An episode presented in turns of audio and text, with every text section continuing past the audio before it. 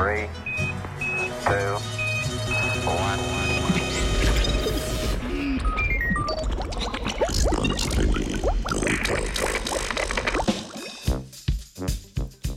Med znanstveniki in znanstvenicami na področju biologije možganov že desetletja divja divja vojna.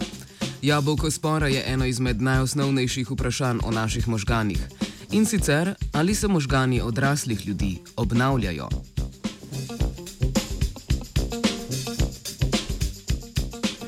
V zadnjih nekaj letih je prevladovalo mnenje, da je temu tako. Številne raziskave so namreč podpirale hipotezo, da se možgani odraslih ljudi redno obnavljajo, kar je značilno tudi za marsikatere druge sesalce. Zmanjšanje obnovitvenih sposobnosti možganskih celic pa se celo navaja kot enega izmed poglavitnih vzrokov za nekatere nevrodegenerativne bolezni. Pri slednjih namreč pogosto pride do pomanjšanja hipokampusa.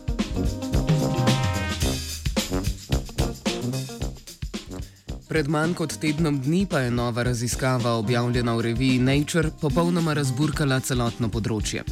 Znanstveniki in znanstvenice z različnih svetovnih univerz so namreč ne le pokazali, da obnavljanje nevronov v človeškem hipokampusu ni reden pojav, ampak da je tudi prava pravca ta redkost.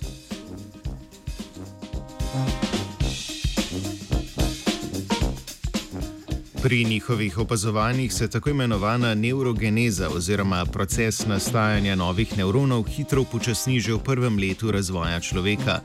Med 7 in 13 letom starosti je očitno že skoraj popolnoma odsotna, saj so v možganih umrlih pri tej starosti v hipokampusu odkrili le redke mlade nevrone.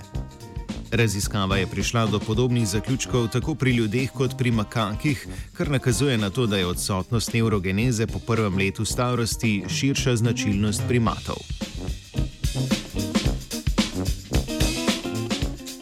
Kot zanimivost avtori članka podajajo mnenje, da naj bi bila odsotnost neurogeneze v hipokampusu značilna tudi za morske sesalce s kompleksnimi načeli obnašanja in sporazumevanja, kot so delfini in kiti. S tem so do neke mere verjetno želeli podpreti že dalj časa prisotno teorijo o negativnih posledicah prevelike plastičnosti možganov.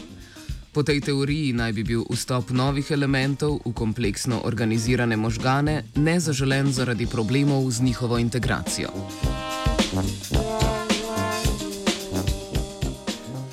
V kratkem lahko v tej razuneti debati pričakujemo odgovor nasprotnega bloka. V mozak je vrtal Atila. Možgane ti opere detergent, se kliče radio študent.